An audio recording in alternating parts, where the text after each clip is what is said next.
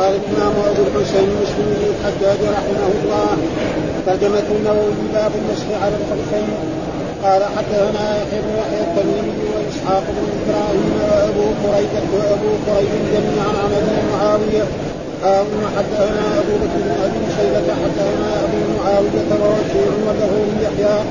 قال أخبرنا أبو معاوية عن الأعمش عن إبراهيم عن همام قال قال جرير ثم توضأ ومسح على خفيه فقيل تفعل هذا؟ فقال نعم رأيت رسول الله صلى الله عليه وسلم قال ثم توضأ ومسح على خفيه قال نعم قال إبراهيم كان يعتبرون هذا الحديث لأن في ان الإسلام جرير كان بعد نزول المائدة. قال وحدثنا إسحاق بن إبراهيم وعلي بن حسن. قال أخبرنا عيسى بن سحاب وحدثنا محمد بن عمر. قال حدثنا سفيان قال وحدثنا من جابر بن حارث التميمي قال أخبرنا ابن مسلم كلهم عن الأعمش في هذا الإسناد بمعنى حديث أبي معاوية غير انه حديث عيسى وسفيان قال فكان قال فكان أصحاب عبد الله يحبون هذا الحديث لأن الإسلام دليل كان بعد نزول المائده قال حدثنا ابن يحيى التميمي واخبرنا أبو حيثمة عن الأعمش عن شقيق عن حذيفة قال كنت مع النبي صلى الله عليه وسلم انتهى إلى صراط قوم فبال قائما. فتنحيت فقال ادنو فدنوت حتى كنت عند عقبيه. فتوضأ ومسح على خفيه قال حدثنا يحيى بن يحيى قال أخبرنا دليل عن منصور عن أبي وائل قال كان أبو موسى يشدد القول ويقول في قارورة ويقول إن بني إسرائيل كان إذا أصاب جد أحد قول قرطه قرطه بالمقارير فقال حذيفة لوددت أن صاحبك لا يشدد هذا التشديد فلقد رأيتني أنا ورسول الله صلى الله عليه وسلم نتماشى فاتى سباط خلف حائط فقام كما يقوم أحدكم فبال فانتبهتني وأشار إلي فجئت فقمت عند عقبه حتى برا قال حدثنا قتيبة بن سعيد حدثنا ليث هارون حدثنا محمد محمد بن بن مهاجر قال أخبرنا الليث عن يحيى بن سعيد عن سعد بن إبراهيم عن نافع بن جبير عن عروة بن المغيرة عن أبيه عن أبيه المغيرة بن شعبة عن رسول الله صلى الله عليه وسلم أنه خرج لحاجته فاتبعه المغيرة بن أجل في داوة فيها ماء وصب عليه حين فرغ من حاجته فتوضأ ومسح على الخفين وفي رواية حين حتى وحدثناه محمد بن مثنى حدثنا عبد الوهاب قال سمعت يحيى بن سعيد بهذا الإسناد وقال فغسل وجهه ويديه ومسح برأسه ومسح على الكفين قال وحدثنا يحيى بن يحيى التميمي وأخبرنا ابن الاحمص عن أشعث عن الاسود بن هلال عن المغيرة بن شعبة قال بينما أنا مع رسول الله صلى الله عليه وسلم ذات ليلة نزل فقضى حاجته ثم جاء فصرفت عليه بدعوة كانت معي فتوضا ومسح على خفين قال وحدثنا أبو بكر بن أبي شيبة وأبو كرب. قال أبو بكر حدثنا أبو معاوية عن الأعمش عن مشروق عن مشروق عن المغيرة بن شعبة. قال كنت مع النبي صلى الله عليه وسلم في السفر. فقال يا يا مغيرة خذ الدعوة فأخذتها ثم خرجت معه وانطلق رسول الله صلى الله عليه وسلم. حتى توارى, توارى عني فقضى حاجته ثم جاء وعليه قبة شاملة ضيقة الأمرين فذهب يخرج يده من كمها فضاقت عليه فأخرج يده من أسفلها فصلبت عليه فتوضأ وضوءه للصلاة. ثم مسح على خفيه ثم صلى. وحدثنا إسحاق بن إبراهيم وعلي بن قصر جميعا عن يوسف بن قال إسحاق واخبرنا عيسى حدثنا الأعمش عن مسلم عن مسروق عن المغيرة بن شعبة قال خرج رسول الله صلى الله عليه وسلم ليقضي حاجته. فلما رجع تلقيته بالتجارة فصرفت عليه فغسل يديه ثم غسل وجهه ثم يهب ليغسل ذراعيه فضاقت الكبة فأخرج فأخرجهما من تحت الكبة فغسلهما ومسح رأسه ومسح على خفيه ثم صلى بنا. قال حدثنا محمد بن عبد الله بن حدثنا أبي. قال حدثنا زكريا وعن عامر. قال أخبرني عروة بن عن أبيه قال كنت مع النبي صلى الله عليه وسلم. ذات ليلة في مسير فقال لي أمعك ماء قلت نعم فنزل عن راحلته فمشى حتى توارى في سواد الليل ثم جاء فأفرغت عليه من الهداوة فغسل وجهه وعليه كبة من الصوف فلم يستطع أن يخرج ذراعيه منها حتى أخرجهما من أسفل الكبة فغسل ذراعيه ومسح برأسه. ثم أويت أن نزع خفيه فقال دعهما فاني أدخلتهما طاهرتين ومسح عليهما. قال وحدثني محمد بن حاتم حدثنا إسحاق بن منصور حدثنا عمر عمر بن أبي سائدة عن الشعبي عن عروة بن المغيرة عن أبيه أنه وضع النبي صلى الله عليه وسلم وتوضأ ومسح على خفين فقال له فقال إني ادخلتهما طاهرتين قال وحدثني محمد بن عبد الله بن يزيد. قال حدثنا يزيد يعني بن قال حدثنا أحمد بن القضير قال حدثنا بكر بن عبد الله بن سعد عن عروة بن المغيرة بن شعبة عن أبيه قال تخلف رسول الله صلى الله عليه وسلم وتخلفت معه. فلما قضى حاجته قال أمعك ماء فأتيته بمقهرة فغسل كفيه ويداه ووجهه ثم ذهب يحسر عن ذراعيه فضاق كم الجبة فأخذ يده من تحت الجبة. وألقى الجبة على منكبيه وغسل ذراعيه ومسح بناصيته وعلى الإمامة وعلى خفيه. ثم ركب ركبتين فانتهينا إلى القوم وقد قاموا في الصلاه يصلي عبد الرحمن بن عوف. وقد ركع ركع بهم ركعه فلما احس النبي صلى الله عليه وسلم ذهب يتاخر فأومأ إليه فصلى بهم فلما سلم قام النبي صلى الله عليه وسلم وكنت فرفعنا ركعة التي سبقتنا قال حدثنا أمة بن ومحمد بن عبد الأعلى قال حدثني المعتمر عن أبيه قال حدثني بكر بن عبد الله عن عن المغيرة عن أبيه أن النبي صلى الله عليه وسلم مسح على خفين ومقدم رأسه وعلى عمامته. قال وحدثنا محمد بن عبد الأعلى حدثنا المعتمر عن أبيه عن بكر عن الحسن عن ابن المغيرة عن أبيه عن النبي صلى الله عليه وسلم بمثله قال وحدثنا محمد بن بشار محمد بن حاتم جميعا عن المحيى الخطاب.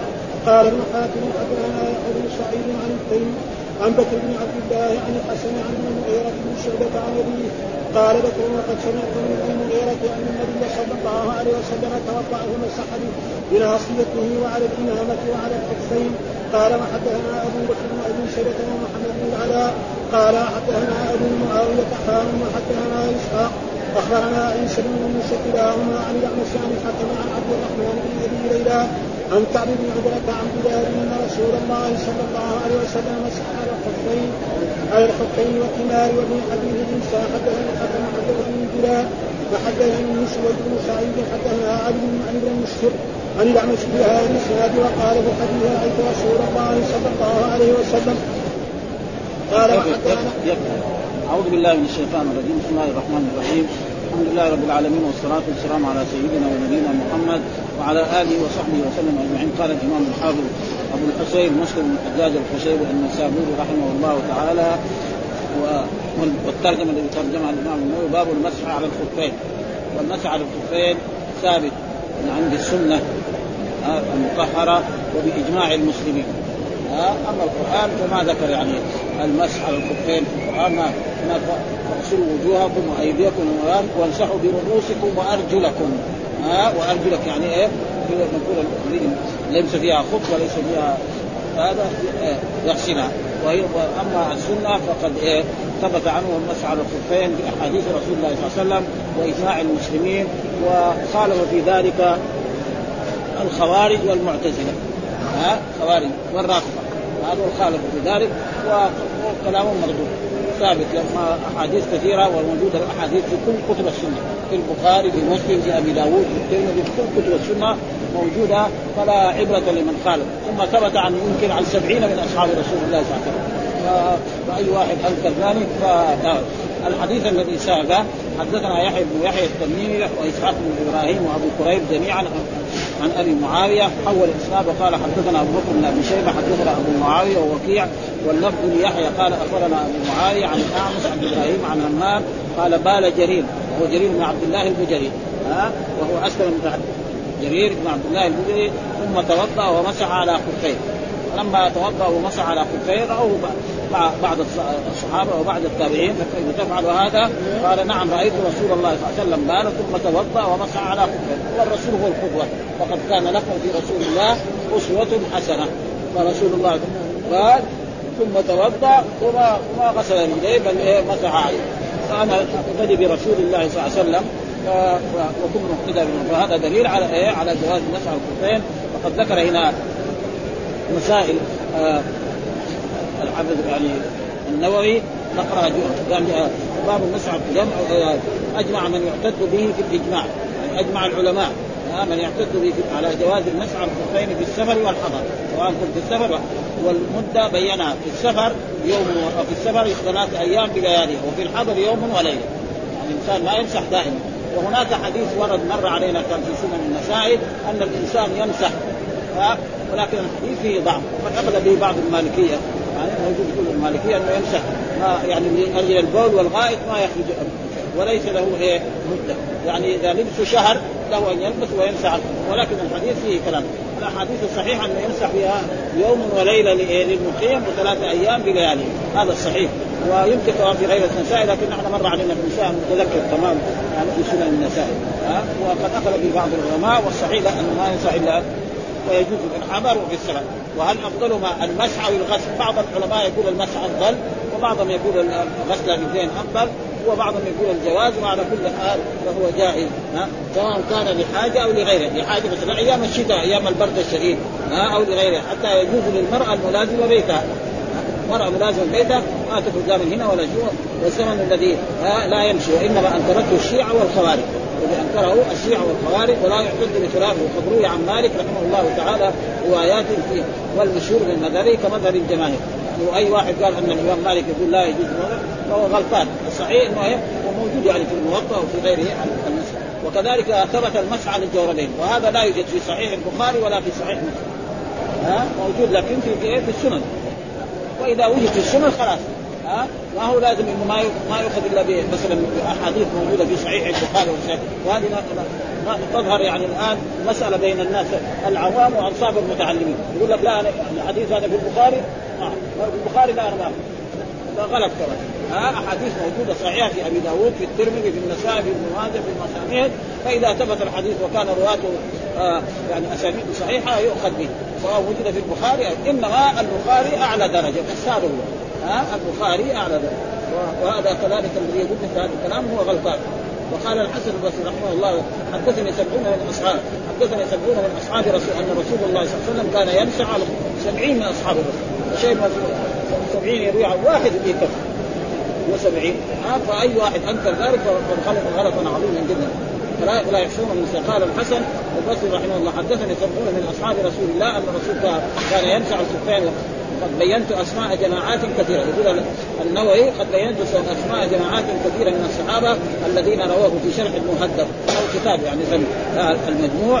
يعني فذكر فيه فذكرت فيه جملا نفيسة مما يتعلق من ذلك وبالله التوفيق. واختلف العلماء في أن المسح على الخفين أفضل ام غسل الردين فذهب أصحابنا إلى أن الغسل أفضل. يعني يعني مثل الإمام الشافعي بقوله الاصل وذهب إليه جماعة من الصحابة منهم عمر بن الخطاب وابنه عبد الله وأبو أيوب الأنصاري رضي الله عنهم وذهب جماعات جماعات من التابعين إلى أن المسح أفضل فيه إحياء السنة. وذهب إليه الشعبي والحكم وحماد وعن أحمد روايتين اصحهم والمسح أفضل. والثاني هما سواء. واختاره يعني بعض يقول هما سواء. واختاره ابن القيم. وكان يعجز هذا الحديث لأن الإسلام جرير كان بعد نزول المائدة. لأن المائدة من أول سور نزلت في القرآن. يعني بعد ما هاجر الرسول لأنها سورة مدنية. ها؟ ولذلك كان يعجبون معناه إنه بعد بعد ما نزل في المائدة وامسحوا برؤوسكم وأرجلكم يعني واغسلوا أرجلكم. فهنا رأينا أن الرسول مسح الخفين والمائدة نزل القرآن. هذا حكم إيه؟ بعد ذلك. هذا حكم شرعي ثبت. وما ثبت عن رسول الله يعني يعمل به. في سوره فاغسلوا وجوهكم إلى المرافق وامسحوا برؤوسكم فلو كان إسلام جرير متقدما على النزول احتمل كون حديثه في مسح الخفين منسوخا بآية ما فلما كان اسلامه متأخرا علمنا أن حديثه يعمل به وهو مبين أن المراد بآية المائده غير صاحب ها اما صاحب الكفر وتكون السنة مخصصة للآية. يعني هل السنة تبين وتشرح بس؟ ها ما ما تنسخ القرآن.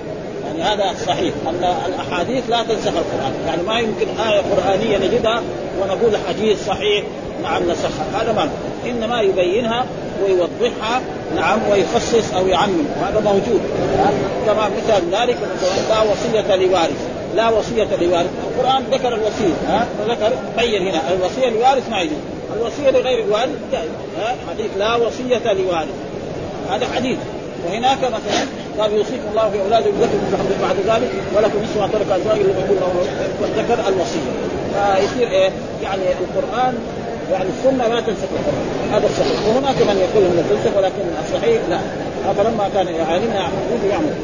وروينا في سنن آه، آه، في سنن البيهقي عن إبراهيم بن آدم قال ما سمعت في مسح الخفين أحسن من حديث جرير والله أعلم. فإذا فهم من ذلك أن مسح الخفين ثابت عن رسول الله صلى الله عليه وسلم وعن أصحابه وليس بمنسوخ وأي إنسان قال وكذلك يمسح يوم وليلة للمقيم في البلد وللمسافر ثلاثة أيام بليالي وأما الذين قالوا يمسح ما شاء إلا إذا كان جنابة فالحديث ضعيف.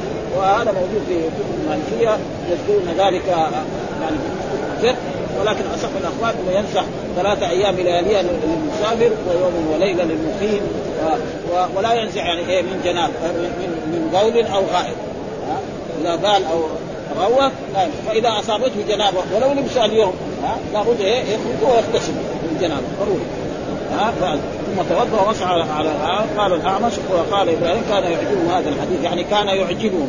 مين هم؟ يعني التابعين. ها؟ يعني العلماء التابعين كان يعجبهم هذا الحديث لأن إسلام جرير كان بعد نزول المائدة. وكذلك قال حدثنا إسحاق بن إبراهيم وعلي بن خشرم قال أخبرنا عيسى بن يونس حول الإسناد وقال حدثنا حدثناه محمد بن بن أبي عمر قال حدثنا سفيان كذلك حول الإسناد وقال حدثنا من جاب بن الحارث التميمي قال أخبرنا ابن مسر كلهم عن الأعمش في هذا الإسناد بمعنى حديث أبي معاوية غير أن في حديث عيسى قال فكان أصحاب عبد الله. المراد عبد الله بن مسعود يعجبهم هذا الحديث لأن إسلام جرير كان بعد نزول المائدة يعني بعد نزول سورة المائدة. والأحاديث هي حدثنا يحيى بن يحيى التميمي أخبرنا أبو خيثمة عن الأعمش عن شقيق عن حذيفة قال كنت مع النبي صلى الله عليه وسلم فانتهى إلى سباطة قوم فبال قائما فتلقيت فقال أذن. فدنوت حتى قمت عند عقبيه فتوضأ فمسح على خفيه. وهذا يقول في هذا الحديث برضو عن عن شقيق عن حذيفة.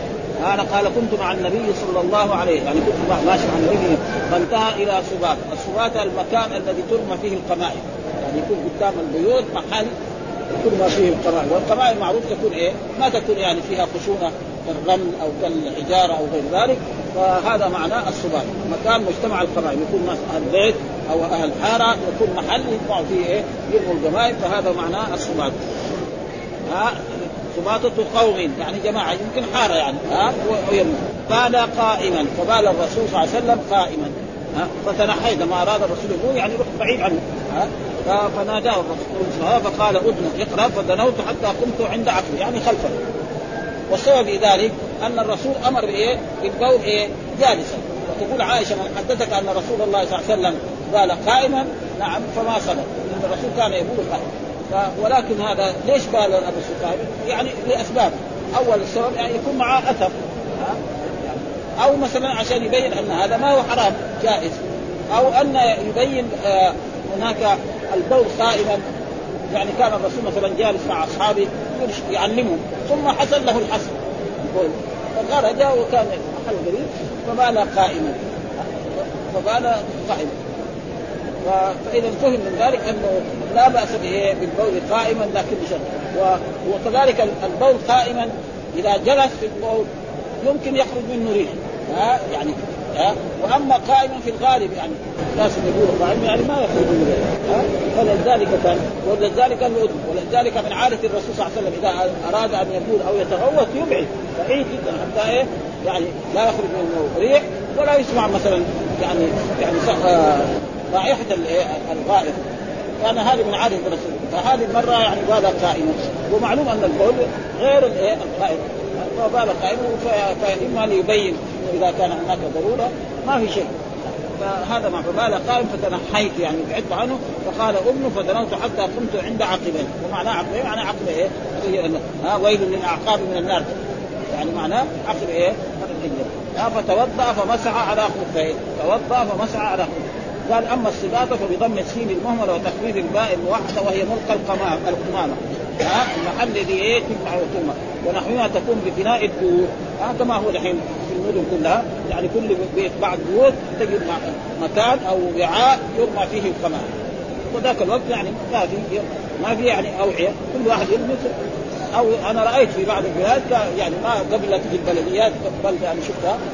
كل واحد عنده قوامة يشيلها بنفسه يروح يرميها خارج البلد. ها ما في ما في بلدية هذه.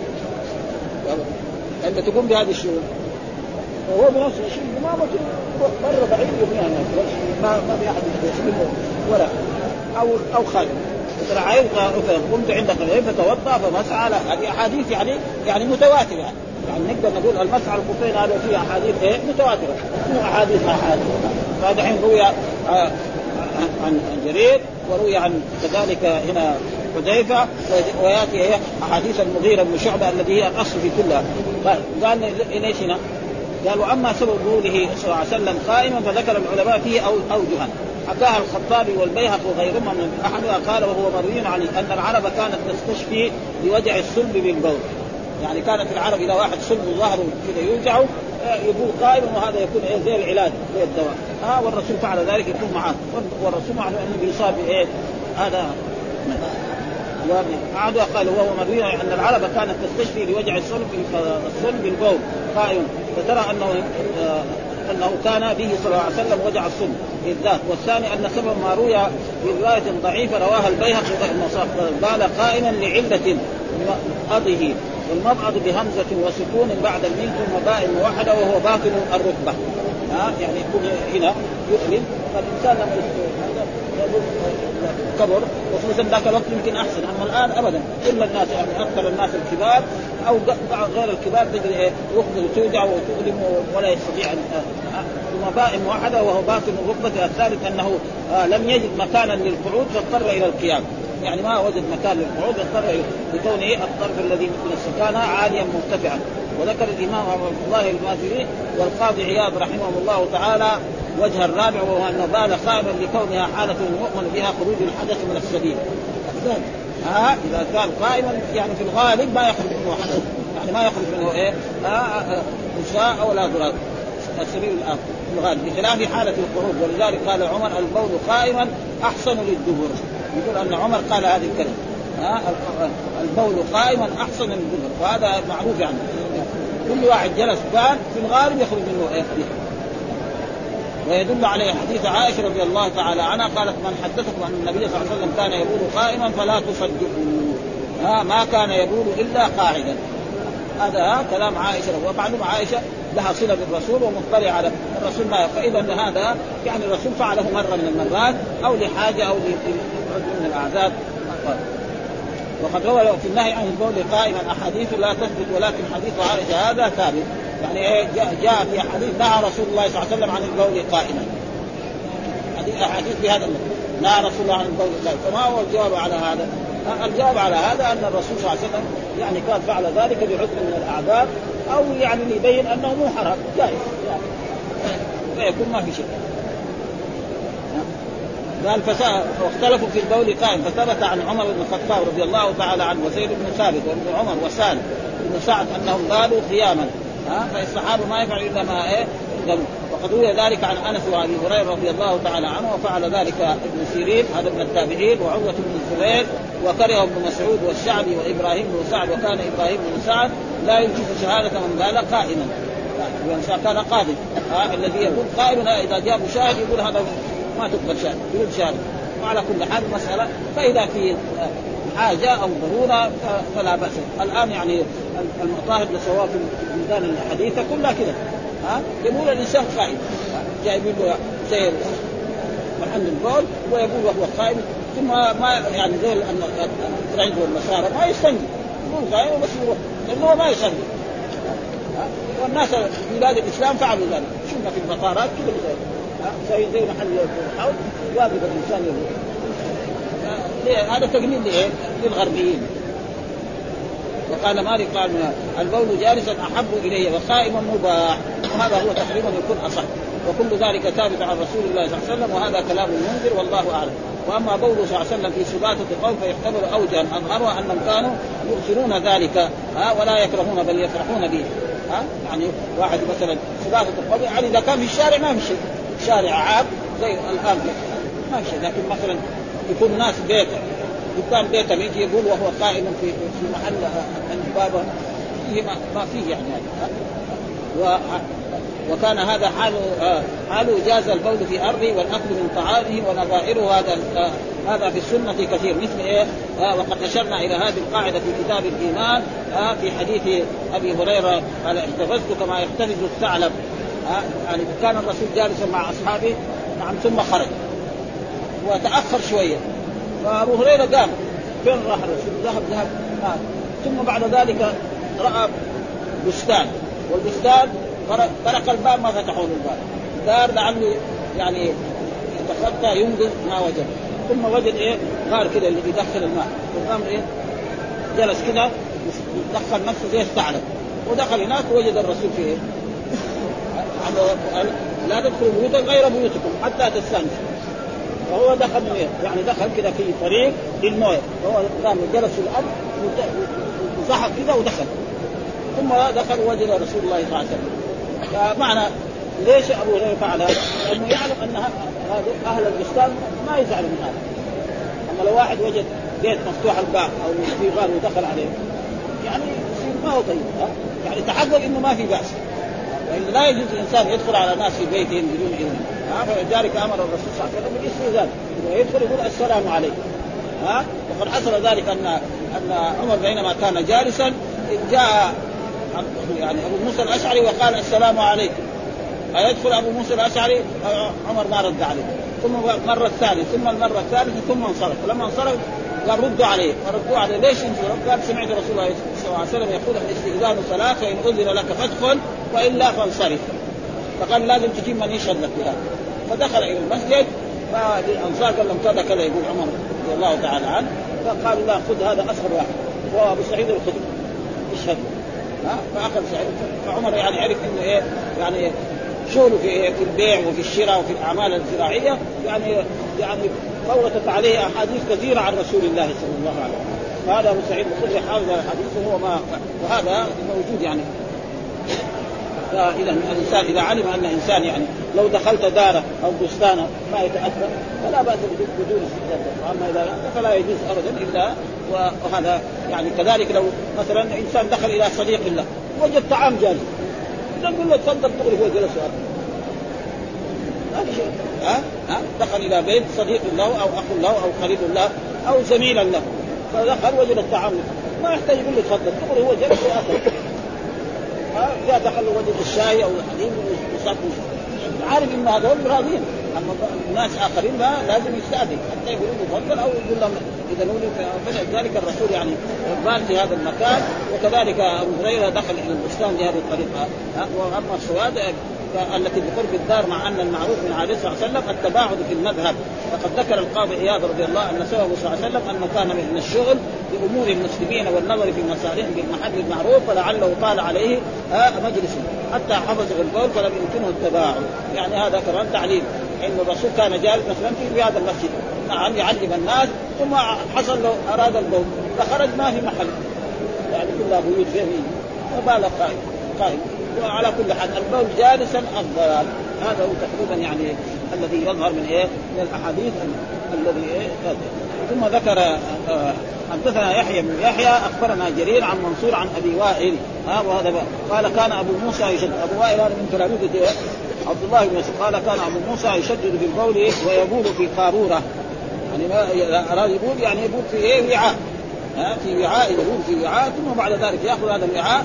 نعم ومثلا ويلقيه إيه خارج المكان أو يذهب به إلى إلى الكنيف ويضع فيه ويقول ان إن بني إسرائيل كان إذا أصابهم جلد.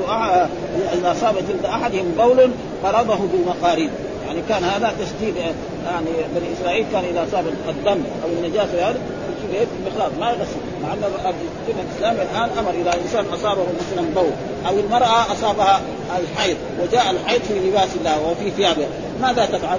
تغسله؟ فإذا كان الدم موجود تتركه بإيه؟ كذا. فيروح الله ثم بعد ذلك تغسله. فإذا غسل بقي اصفر اللون ما في بأس. وأما هذا تشديد من بني إسرائيل. فيقول أن أبا موسى الأشعري كان إذا حصل يعني دخل البول وأصابه البول يقول في إيه؟ وعاء قارورة يعني ها؟ فهذا يعني تشديد من إيه؟ من وقال إيه؟ إذا أصاب جلدهم جلد أحدهم بول فرضه بالمخارج كانوا كذا يساووا بني إسرائيل. فقال حذيفة لوددت أن صاحبكم وحذيفة حذيفة بن لوددت أن صاحب المراد الصاحب من أبو موسى الأشعري. إيش المراد الصاحب في هذا الحديث؟ لا يشدد هذا التشديد. لقد رأيتني أنا ورسول الله صلى الله عليه وسلم نتماشى فأتى سباطة خلف حائط فقام وهو يقوم أحدكم فبات أن الرسول ما شدد التشديد. وبشرط إنه اللي يقول قائما لازم بشرط إنه ما يرتد عليه البول. فإذا جاء مكان خشن وقال يجي البول عليه ويتزوج ثيابه وسراويل ويصير إيه في نجاسه فبشرط يكون المحل رطب زي الجمايل معروف. الجمايل فيها أوراق فيها أشياء كذا خفيفة. أما إذا كان مثلا الرمال أو الحجار لا. فإذا فعل ذلك فهذا ها فانتبذت يعني بعدت عنه. فأشار إلي فجئت فقمت عند عقبه. ها عقبه يعني ها حتى فرغ. فهذا دليل على أن إذا البول قائما إذا كان هناك أمر أو بال قائما ما ينكر عليه. يعني أحسن شيء أنه لا ينكر. ما دام الرسول فعله فلا يجوز أن ولكن أيهما أحسن؟ البول إيه؟ جالسا أحسن. وإذا كان هناك غائب فضروري من إيه من الجنوب مكتوب ان هذا التشديد خلاف السنة فإن النبي صلى الله عليه وسلم بال قائما ولا شك في كون القائم معرضا للرشيش ولم يلتفت النبي صلى الله عليه وسلم إلى هذا الاحتمال ولم يتكلم بقول في قارورة كما فعل أبو موسى والرسول هو القدوة. لقد كان لكم الرسول ما قال عشان يقول لازم يجيب له وعاء. وقد ثبت في أحاديث أن بعض الناس الكبار يعني إذا دخل بيته يبول في إيه وعاء ثم يجلس. يضعه تحت السرير ثم إذا قام في آخر الليل ياخذه ويكون. كان الناس الأولين يفعلوا هذا. ها؟ واعترف في ذلك أن رسول الله صلى الله عليه وسلم كان في بيته وبال. نعم في وعاء. ثم جاءت أم أيمن. فوجدته ظنته ماء فشربته بعد ذلك أخبرت الرسول فقال يعني قال لها الرسول صلى الله عليه وسلم لا يمسك الماء وقد حصل ذلك أن فضلات الرسول طاهرة. ها فضلات الرسول طاهره هكذا يقول هذا من خصائص رسول الله صلى الله عليه وسلم. ها وقد ثبت أن رجلا من الصحابة كذلك يعني الرسول احتجم. فلما احتجم وانتهى من الحجامة قال له خذ هذا الدم وضعه في مكان لا يراه أحد. راح وشرب ها ثابت ذلك. ها فشرب قال له رسول قال أنا شرب قال إذا لا يمسك النار ما دام في دم رسول الله خلاص. هذا صار مكسب يعني. لكن هذا خاص. يعني الناس الثانيين ما يصح نجاسة يعني. لا يساوي بعدين يساوي فرق كمان المشايخ ولا الامراء ولا الحكام لا. ها؟ ها؟ العلماء ولا الاولياء ولا الصالحين لا. هذا ما. ولذلك بعض الناس يجي لما شاف هذا يقول لك كمان إيه؟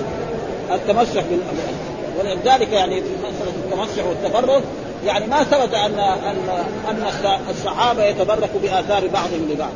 وما ثبت كذلك أن التابعين يعني يتبرك بآثار غيرهم بثيابهم أما الرسول ثابت ثابت الرسول كان يعني عنده وعاء إذا واحد مهموم يحطوه يحطوا عليه ماء ويشرب الإنسان يتعافى ها؟ والرسول كان إذا تنخم نخامه اقتدرها الصحابة واخذوا مسحوا بها أيديهم. وهذا مو داعي يعني مرات فعلوا ذلك فلذلك يعني مثل هذه الأشياء يعني البول قائما واشياء مثل هذه فلا بأس بذلك ثم ذكر وحدثنا محمد بن رمح بن المهاجر أخبرنا الليث عن يحيى بن سعيد عن سعيد عن سعد بن إبراهيم عن نافع بن جبير عن عن عروة بن المغيرة ها؟ والمغيرة بن شعبة هذا العظيم الصحابي له أولاد يعني واحد اسمه عروة والثاني اسمه حمزة عن أبيه المغيرة ابن شعبة عن رسول الله صلى الله عليه وسلم أنه خرج لحاجته والمراد بالحاجة هنا البول والغائب ها؟ يعني هذا المراد بالحاجة في هذه الأحاديث. ومرات يكون حاجة يروح يشتري شيء من السوق. إيش المراد بالحاجة هنا في هذا واتبعه المغيره بإداوة. الإداوة معناه يعني وعاء. زي الزمزمية زي الإبريق في عصرنا هذا هذا معناه الإداوة يعني زي الزمزمية اللي كانت يعني تباع من جلد أو من غير ذلك أو من هذا هذه معناه الإداوة فيها ماء فصب عليه حين فرغ من حاجته. يعني بعد ما بال وتغوط واستجى فتوضا ومسح على الخفين. وهذا الحديث المهم في إيه؟ يعني في على الخفين. حديث المغيرة بن أكثر الكتب تذكر هذا الحديث. الحديث هذا لأنه مسلم. ذكر وهذه ترتيب يعني أول يذكر هذه ثم يذكر إيه الأحاديث.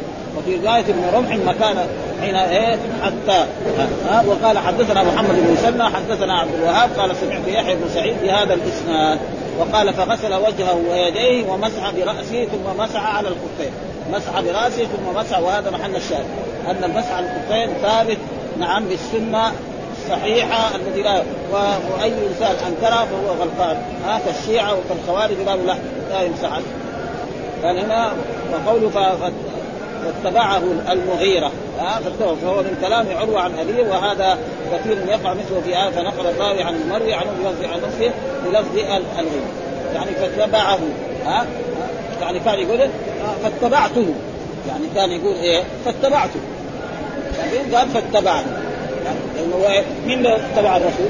المغيرة فكان التعبير يقول إيه فاتبعته. لكن بدل ما يقول فاتبعته ها يقول فاتبعه. بناء للمجهول هذا موجود في اللغة العربية. وإليه ترجعون. كان إليه يرجعون يعني. كثير يعني الخطاب ها آه مثلا آه أبو طالب لما قال له رسول لا إله إلا الله قال هو على ملة عبد المطلب هو على ملة. هو إيش قال عن نفسه؟ قال أنا. ضمير المتكلم لكن واحد ما يقدر يقول على عبد المطلب يقول على ملة محمد صلى الله عليه وسلم. فهذه تعبيرات موجوده ها فاتبعه المغيره يعني كان يقول فاتبعته. يعني رواه كذا المغيرة يقول فاتبعته. عداوه فيها ما ومسع وحدثني يحيى بن يحيى التميمي أخبرنا ابو الأحوص عن الأشعث عن الأسود بن هلال عن المغيرة. قال بينما أنا مع رسول الله صلى الله عليه وسلم ذات ليل إذ نزل فقضى حاجته. يعني كان في إيه؟ في سفره أو في مكان آه في عمرة أو في حج أو في غزو من الغزوات هذا معناه آه أو في سفره للعمرة فقضى. ثم جاء فصببت عليه من إداوة. يعني صببت عليه من إداوة وهذا فيه دليل على أن الإنسان إذا استعان في الوضوء يجوز. يعني ما ينكر عليه. يعني رجل استعان بإنسان يصب عليه. لكن كونه إيه؟ يغسل له يدين ويغسل له وجهه هذا ما ينفع أما مثلا إنسان كبير فانسان مثلا يجيب الابريق ويصب يغسل يديه ثلاث ثم يتمضمض ثم يصب عليه يتمضمض ثم يستنشق ثم يغسل وجهه ثم إلى آخره. فهذا ما في شيء. ها الرسول الله صلى الله عليه وسلم فعل ذلك. وإذا كان توضأ بنفسه كان احسن ها وهذا وهذا فيه دليل على أنه يعني المخدوم يخدم الفاضل. وكان أصحاب رسول الله صلى الله عليه وسلم يفعلون ذلك معه وكذلك الإنسان إذا فعل ذلك مع أب له أو عم أو قريب له أو مع أمه فلا بأس بذلك أو مع مدرس يعني جائز يصب عليه الماء بالوضوء أو بعد ما ياكل فهذا دليل انه ذلك هذا معناه فصببت عليه ماء ومرت علينا أحاديث أن الرسول كان يتوضأ بنفسه.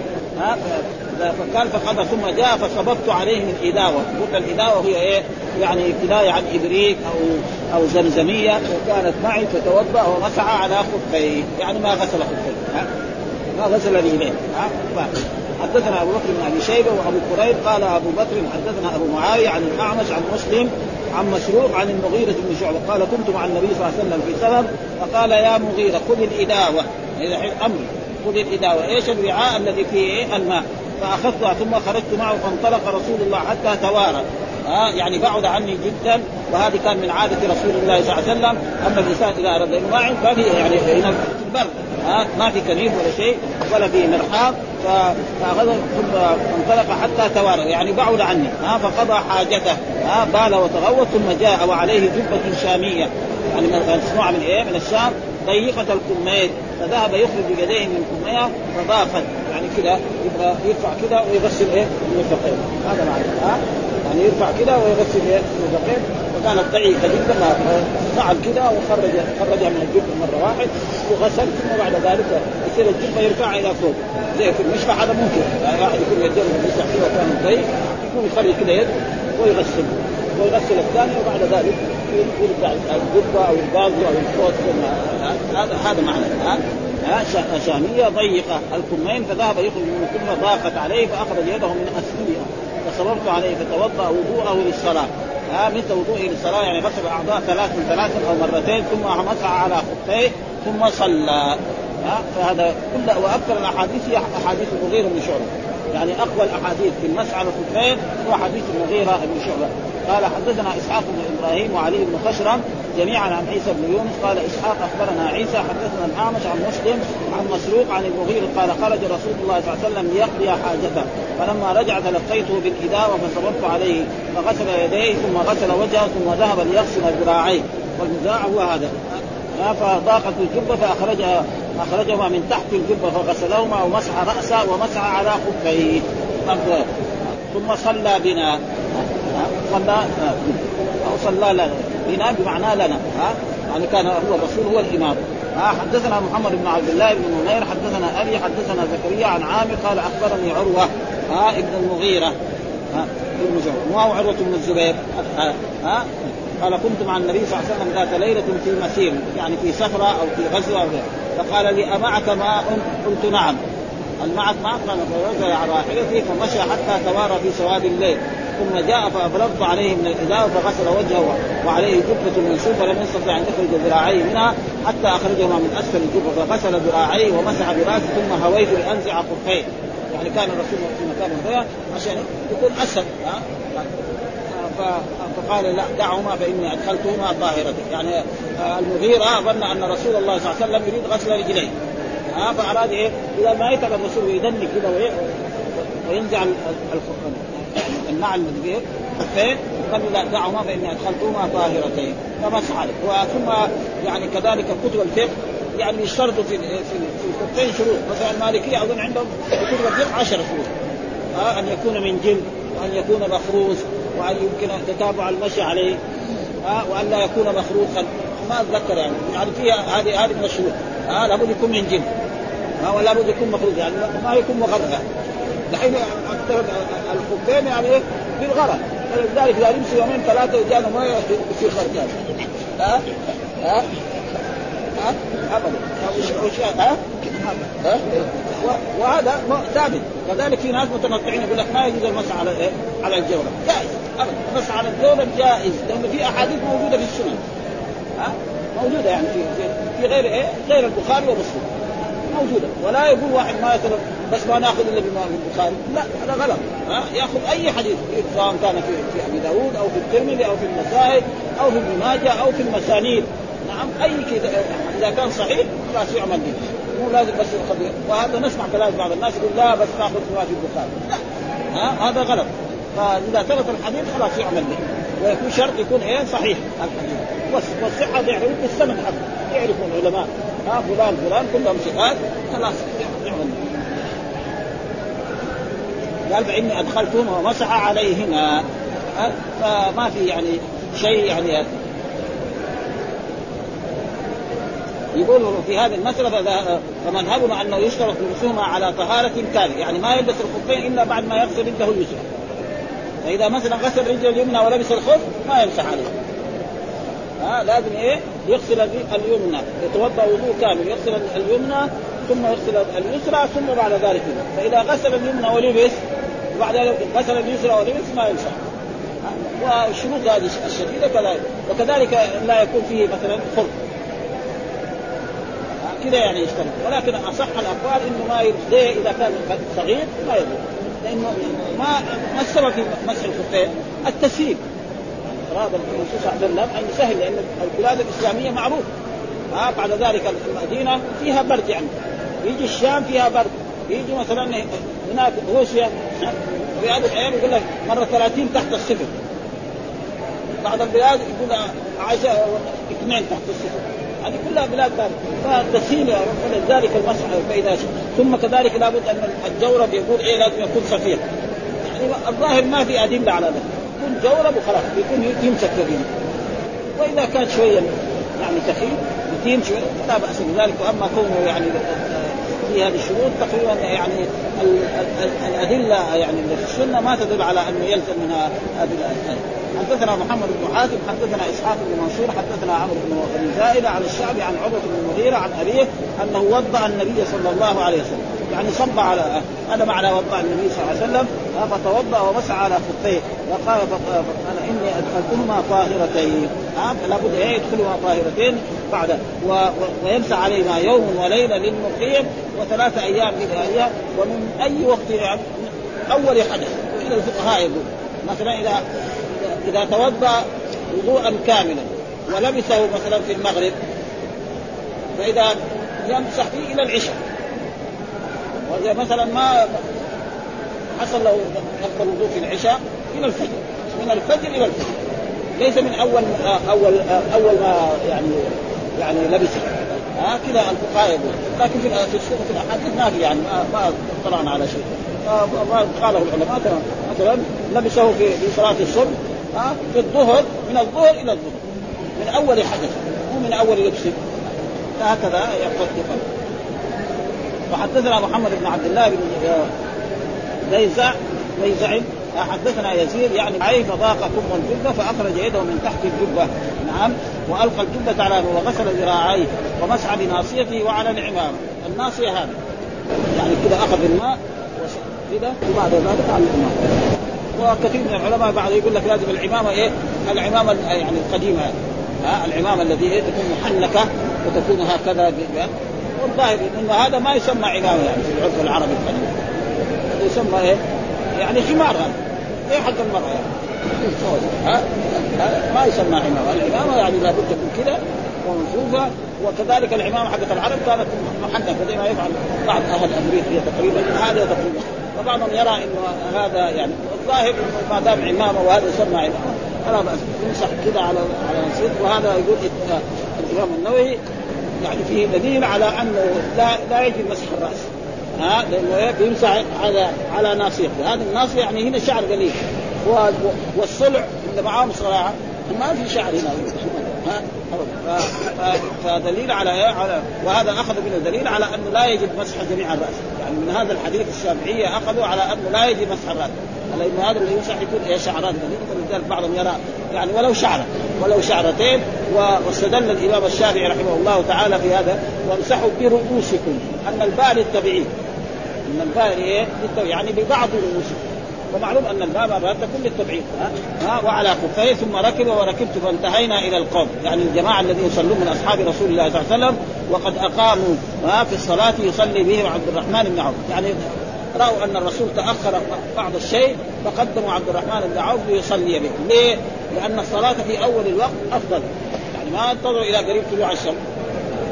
إيش يعني فهم الصحابه ان الرسول اذا تاخر ما ياخر الصلاه لأن القران يقول ان الصلاه كانت على المؤمنين كتابا موقوتا ها اذا ما جاء الامام الرسمي خلاص نقدم واحد يصلي واذا كان الامام الرسمي ده يساوي يتلابش مع الناس يقول لهم ليش قدمت ويقوم يعني يؤذيهم يقول لهم يقوم يقيم الصلاه ويصلي يعني في مرات كذا يساوي بعض الحين تاخر هو وما ما جاء قدم واحد يصلي هو لما يجي يقوم يغيب الصلاة ويخليهم يصلوا ثاني هذا ما ما ينبغي هذا. فإذا كان يعني هو صل خلاص يصلوا وإذا جاء هو وهم في الصلاة يصلوا معه لأن الرسول صلى خلفه يا عبد الرحمن بن عوف. الرسول لما جاء ووجد أصحابه قدموا عبد الرحمن بن عوف صلى ماموما. طيب آه، مرة من المرات الرسول لما خرج إلى قبى نعم وقال لبلال إذا حان وقت الصلاة كان صلاة الظهر أذن. وإذا لم آتي فقدم فأمر أبو بكر يصلي. فأذن وانتظروا بعض الوقت ما جاء الرسول صلى الله عليه وسلم فقال آه، بلال ابي بكر صلي تصلي بالناس. قال فاقام الصلاة وتقدم أبو بكر. فلما تقدم وكبر تكبيرة الإحرام قبل أن يركع الركعة الأولى وإذا الرسول يأتي ويشق الصفوف حتى يصل خلف أبي بكر فأكثر الناس التصفيق لأبي بكر وكان أبو بكر رجل لا يلتفت في صلاته. ثم بعد ذلك لما أكثر التفت وجد رسول الله صلى الله عليه وسلم خلفه ها فقال له الرسول هكذا فأبى. قال لا ينبغي لابي قحافة أن يتقدم. امامنا فرجع. هو وتقدم الرسول صلى الله عليه وسلم وصلى بالناس. يعني ليس أما هذا قد صلى ركعة. يعني عبد الرحمن صلى الركعة وهم أدركوا الركعة الثانية. فما يصير يتخلف. يصير هيك لا وهذا يعني جاء في حديث أن الرسول يعني لابد أن يصلي خلف رجل من أصحابه. وهذه هي واحدة منهم. يعني الرسول كان دائما هو الإمام. ها؟ إذا حضر ما حد يتقدم ولكن في هذه المرة يعني جاء في احاديث أنه لا يمكن قبل أن يتوفى الرسول لابد أن يصلي خلفه. وصلى خلف عبد الرحمن بن عوف. وعبد الرحمن بن عوف يعني أحد العشر المبشرين بالجنة. فهذا جائز يعني. فإذا تأخر الإمام الرسمي يقدم آخر يصلي ما يأخر الصلاه عن وقتها وهنا ما أخر الصلاه عن وقتها إنما الصلاة في أول الوقت أفضل فلذلك قدموه فقالوا وقد ركع بهم ركعة فلما احس بالنبي صلى الله عليه وسلم ذهب يتأخر فاومى إليه فصلى بهم. فسلم فلما صلى قام النبي صلى الله عليه وسلم وقمت فركعنا الركعة التي سبقتنا ها؟ يعني صلى لأن الرسول صلى مع الإمام الركعة وقام إلى الركعة الثانية وصلى بها. وهذا قال هذا مما احتج به أصحابنا على أن مسح بعض الرأس يكفي ولا يشترط الجميع لأنه لو وجب الجميع لما اكتفى بالعمامه عن الباقي فإن الجمع بين الأصل والبدل في عضو واحد لا يجوز كما لو مسح على خف واحد وغسل الرجل الأخرى وأما التيمم وأما التيمم بالعمامه فهو التتميم وأما التتميم بالعمامة فهو عند الشافعي. التثنين بالعمام يعني تم يمسح أول الرأس هنا ويتم بالعمام فهو عند الشافعي والجماعه على الاستحباب لتكون الطهارة على جميع الرأس. ولا فرق بين أن يكون لبس العمامة على طهر أو على حدث وكذا لو كان على راسه قلسوه التي المغاربه ولم ينزعها مسح برأسيته ويستحب أن يتم مع القلسوه هكذا الامام ولا اقتصر على الامام ولا يمسح شيئا من الرأس لم ذلك. عندنا بلا خلاف وهو مذهب مالك وأبي حنيفة وأكثر العلماء رحمهم الله تعالى وذهب أحمد رحمه الله تعالى إلى جواز الاقتصار. ووافقوا عليه جماعة والله أعلم. والناسية هي مقدم الرأس. إيش الناسية؟ ها؟ هو مقدمه فانت وقد أقاموا الصلاة يصلي به عبد الرحمن بن عوف. وقد ركع ركعة فلما احس بالنبي صلى الله عليه وسلم ذهب يتأخر فأومى إليه فصلى بهم. فلما سلم قام النبي صلى الله عليه وسلم وقمت فركعنا الركعة التي واعلم ان هذا الحديث فيه فوائد كثيرة منها جواز ابتداء الفاضل بالمفتون ها؟ يعني الرسول يصلي خلف عبد الرحمن بن عوف. ها؟ وكذلك في عصرنا هذا ها؟ العالم ولا الأمير ولا الحاكم ولا مثل الصحابة يصلي خلف من هو أقل. ها؟ كما جعل الامام ليتم به. اذا كبر فكبر وإذا ركع ولا يلزم من ذلك إنه لازم الفاضل هو الذي يكون دائما إمام. هذا يعني ها؟ وجواز صلاة النبي صلى الله عليه وسلم خلف بعض أمته ومنها أن الأفضل تقديم الصلاة في أول فإنهم فعلوها أو أول الوقت ولم ينتظروا النبي صلى الله عليه وسلم منها. ومنها أن الإمام إذا تأخر عن أول الوقت استحب للجماعة أن يقدموا أعلم فيصلي بهم. إذا وثقوا بحسن خلق الإمام. كده يقول النووي ها؟ وأنه لا يتأذى من ذلك ولا يترتب عليه فتنة. فإذا جاء هو يقعد يخاصمه ليش تقدم؟ مثلا هو يتاخر له نص ساعة وبعدين يجي يقول يساوي ملابس ما دخل نعم خمس دقائق ينتظر. ها؟ يعني في الآن في عصرنا هذا. خمس دقائق إذا مثلا بعد ربع ساعة يقيم الصلاة وما هذا ما جاءوا انتظروا كمان خمس بعد خمس دقائق يعني خصوصا في المغرب. المغرب ما ما هو يعني المغرب حال ما يعني آه طيب اذا ثم ذكر كذلك وحدثنا وحدثنا أمية بن بسطام ومحمد بن عبد الأعلى قال حدثنا المعتمر عن أبيه قال حدثني بكر بن عبد الله عن ابن المغيرة عن أبيه. هنا ما ذكر ابن المغيرة وهو حمزة. نعم. أن النبي صلى الله عليه وسلم أو, أو عروة. عروة هو الذي تقدم. أن النبي صلى الله عليه وسلم مسح الخفين ومقدم رأسه.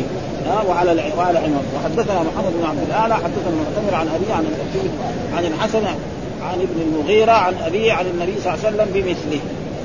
وحدثنا محمد بن بشار ومحمد بن حاتم جميعا يعني يحيى القطان قال ابن حاتم حدثنا يحيى بن سعيد آه، عن التميمي التيمي عن بكر بن عبد الله عن الحسن عن ابن المغيرة بشعبة عن أبي قال آه، قال بكر وسمعت من ابن المغيرة أن النبي صلى الله عليه وسلم توضأ فمسح بناصيته وهو مقدم على الإمام وعلى الخفين فإذا جائز يعني المسح على الرأس وعلى العمامة وعلى الخفين. قال حدثنا أبو بكر كذلك بن ابي شيبة ومحمد بن علاء قال حدثنا أبو معاوية وحدثنا إسحاق أخبرنا عيسى بن يونس كلاهما عن اعلى الحكم وعن عبد الرحمن بن أبي ليلى عن كعب بن عجرة عن عن بلال أن رسول الله صلى الله عليه وسلم كذلك حديث عن بلال. يعني فإيه؟ جمله من الصحابة حتى قال سبعين من أصحاب رسول الله صلى الله عليه وسلم الذي روى عنه. وفي حديث عيسى حدثني الحكم حدثني بلال وحدثني سويد ابن سعيد حدثني علي يعني بن عن الأعمش بهذا الإسناد. وقال في الحديث رأيت رسول الله صلى الله عليه وسلم يعني يمسح على الخفين فإذا على الخفين ثابت ها؟ والحمد لله رب العالمين وصلى الله وسلم على نبينا محمد